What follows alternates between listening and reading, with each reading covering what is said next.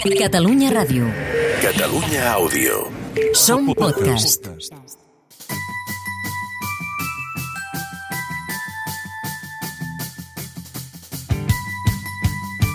Sants i estalvis. La salut que depèn de tu.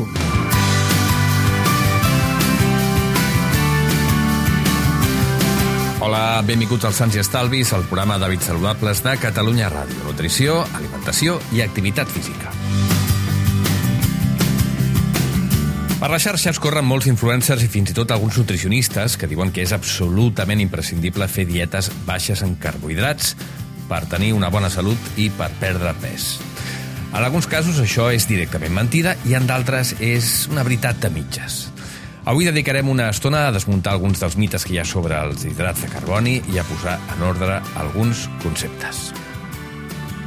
Comencem per les coses que són certes i a posar matisos que són imprescindibles.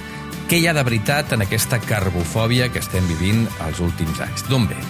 Als anys 60 es va posar de moda acusar els greixos de tots els problemes de salut, en especial els greixos saturats.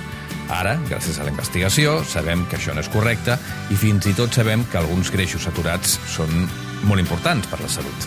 Ens hem quedat sense culpable i ara cal trobar-lo en un altre lloc. I l'hem trobat en els hidrats.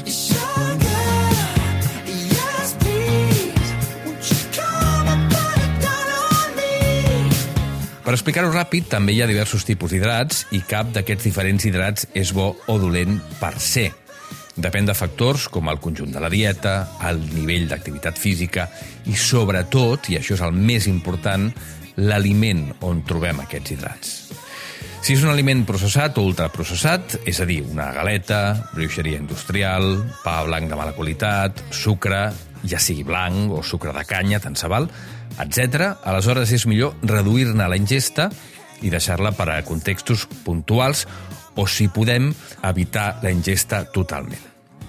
De fet, el que hauríem de fer en qualsevol dieta sana és prescindir totalment d'ultraprocessats i no només pel sucre o la qualitat general dels hidrats que contenen, sinó per la mala qualitat dels greixos o l'accés de sal que solen tenir, etc. Vaja, perquè són una merda des del punt de vista nutricional.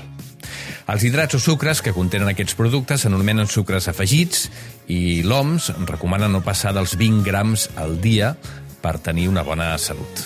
Com a referència, una sola llauna de refresc ensucrat ja en té més, uns 25, 30 i de vegades més sucre per llauna. En canvi, els hidrats que trobem als aliments, cereals, fruita, algunes hortalisses com les patates o les pastanagues, fruits secs, llegums, etc., contenen sucres que són intrínsecs, és a dir, que formen part de la matriu de l'aliment, de la pròpia estructura. Això és important perquè això determina totalment la digestió i com el cos metabolitza o transforma en energia aquests sucres. Per tant, simplificant moltíssim, els eh, sucres o els hidrats dolents, entre cometes, els trobem als productes que són ultraprocessats o als productes alimentaris en general. Els que no només no són dolents, sinó que són necessaris, són aquells que trobem als aliments. Això últim té una petita excepció que són els sucs. Quan agafem una fruita i la transformem en suc, encara que sigui un suc casolà, convertim els sucres intrínsecs, en aquest cas estem parlant de glucosa i fructosa, en sucres lliures, perquè el que estem fent és trencar la matriu alimentària quan fem el suc. Els sucres d'una peça de fruita els tenim disponibles al cap d'uns 30, 35 minuts, 40 minuts de mitjana, 50 en alguns casos, però els d'un suc al cap de 5-8 minuts. Per tant, si féssim un estudi per veure com són de dolents els hidrats amb ultraprocessats, arribaríem a la conclusió que són dolents. I si els fem amb aliments, amb productes eh, que ens dona la natura, les conclusions serien absolutament diferents. I això ens porta a una altra qüestió. Quants hidrats hem de menjar cada dia?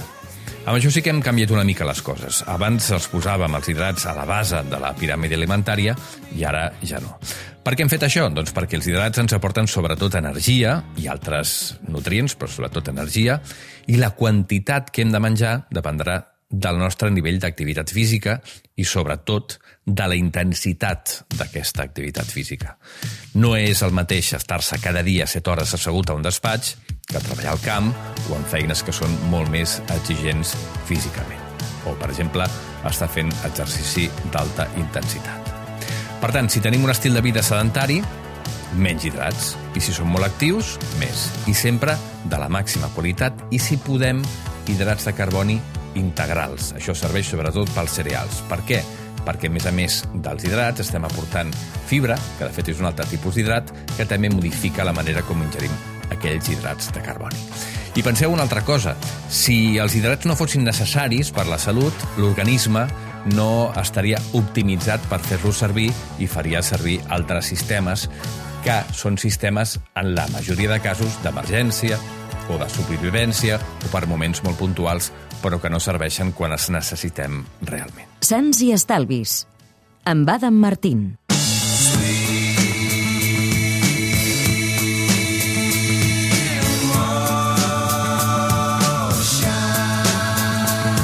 Repassem ara alguns eh, mites molt ràpids que tenen a veure amb els hidrats de carboni i amb els sucres, hidrats en general.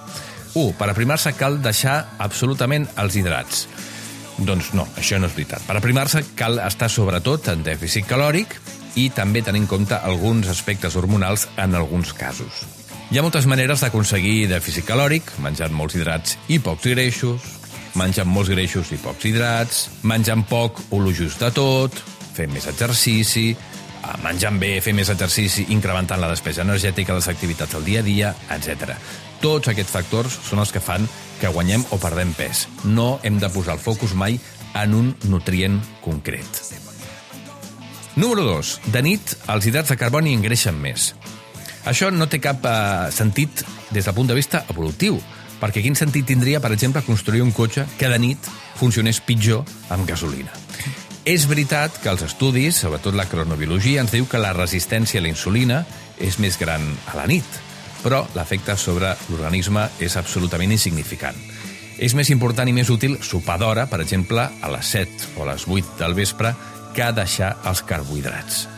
De nit engreixen igual de molt o igual de poc que durant la resta del dia. Depèn del conjunt de calories total que hem ingerit al llarg del dia. Número 3. S'han de prendre només al matí els hidrats per anar-los cremant durant el dia. Això també és un error, perquè els hidrats no són l'única font energètica que fem servir, també fem servir els greixos, sobretot quan estem eh, tenint una activitat física d'exigència baixa o moderada, i perquè les coses realment no funcionen així. Número 4. El cervell necessita sucre per funcionar. Aquest és un argument que s'ha fet servir moltes vegades per defensar el consum de sucre, així una mica ad libitum. Uh, no, el cervell no necessita sucre per funcionar, necessita en concret glucosa. El sucre és glucosa i fructosa. Necessita glucosa al cervell i la pot obtenir sobretot dels hidrats de carboni complexos, d'aquells eh, hidrats que trobem als aliments, sense els problemes metabòlics que generen els sucres, o també es pot eh, trobar en determinats aminoàcids. I després hi ha altres maneres d'aconseguir energia per al cervell que ara mateix no tenim temps d'explicar. Número 5. Els hidrats fan pujar massa la insulina a la sang, que aquest és un dels grans temes i una de les coses que s'ha posat de moda el tema de controlar la insulina com si totes les persones normals fossin persones amb problemes de diabetis. Una cosa és tenir diabetis, i aquí sí que t'has de controlar els nivells d'insulina i com entren els sucres, i l'altra cosa és tenir una vida normal i necessitar controlar la insulina, que no cal. De què depèn el tema de la insulina? Sobretot depèn del tipus d'hidrat, si és lliure o intrínsec. Depèn també dels altres nutrients que acompanyen la ingesta, en especial la fibra, les proteïnes i els greixos, que modifiquen la velocitat a la qual digerim els hidrats de carboni i, per tant, l'impacte de la insulina és molt menor, i també depèn si estem fent esport d'alta intensitat o no estem fent esport. Quan estem fent esport, la insulina no intervé tant i intervenen altres factors perquè les cèl·lules facin servir els sucres, la glucosa, eh, com a substrat eh, energètic. Número 6.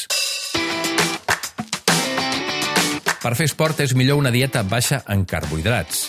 Doncs en general no, i en concret depèn. Depèn de l'esport i també depèn de la intensitat a què fem aquest esport. Això ho explicarem amb més detall un altre dia, però tots els estudis ben fets ens diuen que sense carbohidrats no podem rendir a alta intensitat. Si no anem a guanyar, doncs potser tirarem sense hidrats, però per guanyar en esports on hi ha pics d'alta intensitat o alta intensitat tota l'estona, els 200 metres llisos, els 400, els 800, els 1.500, etc., són absolutament imprescindibles. A partir d'una intensitat determinada, els greixos no són un substrat energètic eficient. En canvi, a intensitat moderada o baixa són excel·lents. Número 7. És millor entrenar sense haver menjat res, especialment carbohidrats. Doncs també depèn una mica de l'objectiu de l'entrenament.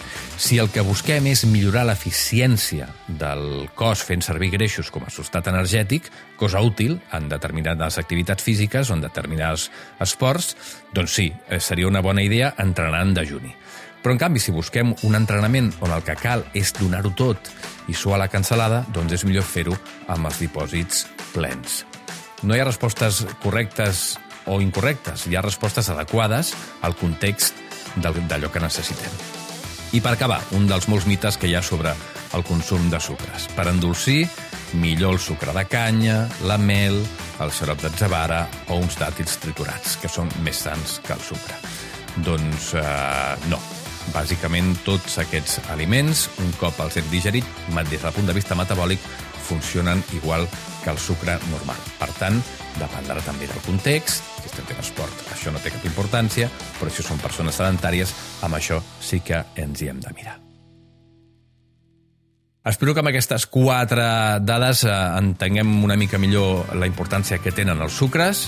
Fins i tot recordeu que una dieta cetogènica, que és una dieta històricament eh, baixa en carbohidrats, fins i tot una dieta baixa en carbohidrats, recomana que com a mínim hi hagi de 30 a 50 grams d'hidrats de carboni al dia. És a dir, que fins i tot una dieta que defensa que el substrat fonamental han de ser greixos també recomana que hi hagi una ingesta mínima d'hidrats de carboni perquè són absolutament indispensables per l'organisme.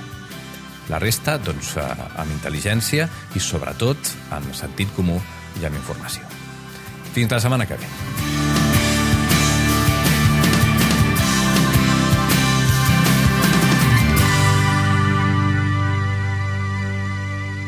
Sants i Estalvis, amb Adam Martín. Catalunya Ràdio. Catalunya Àudio. Som podcast.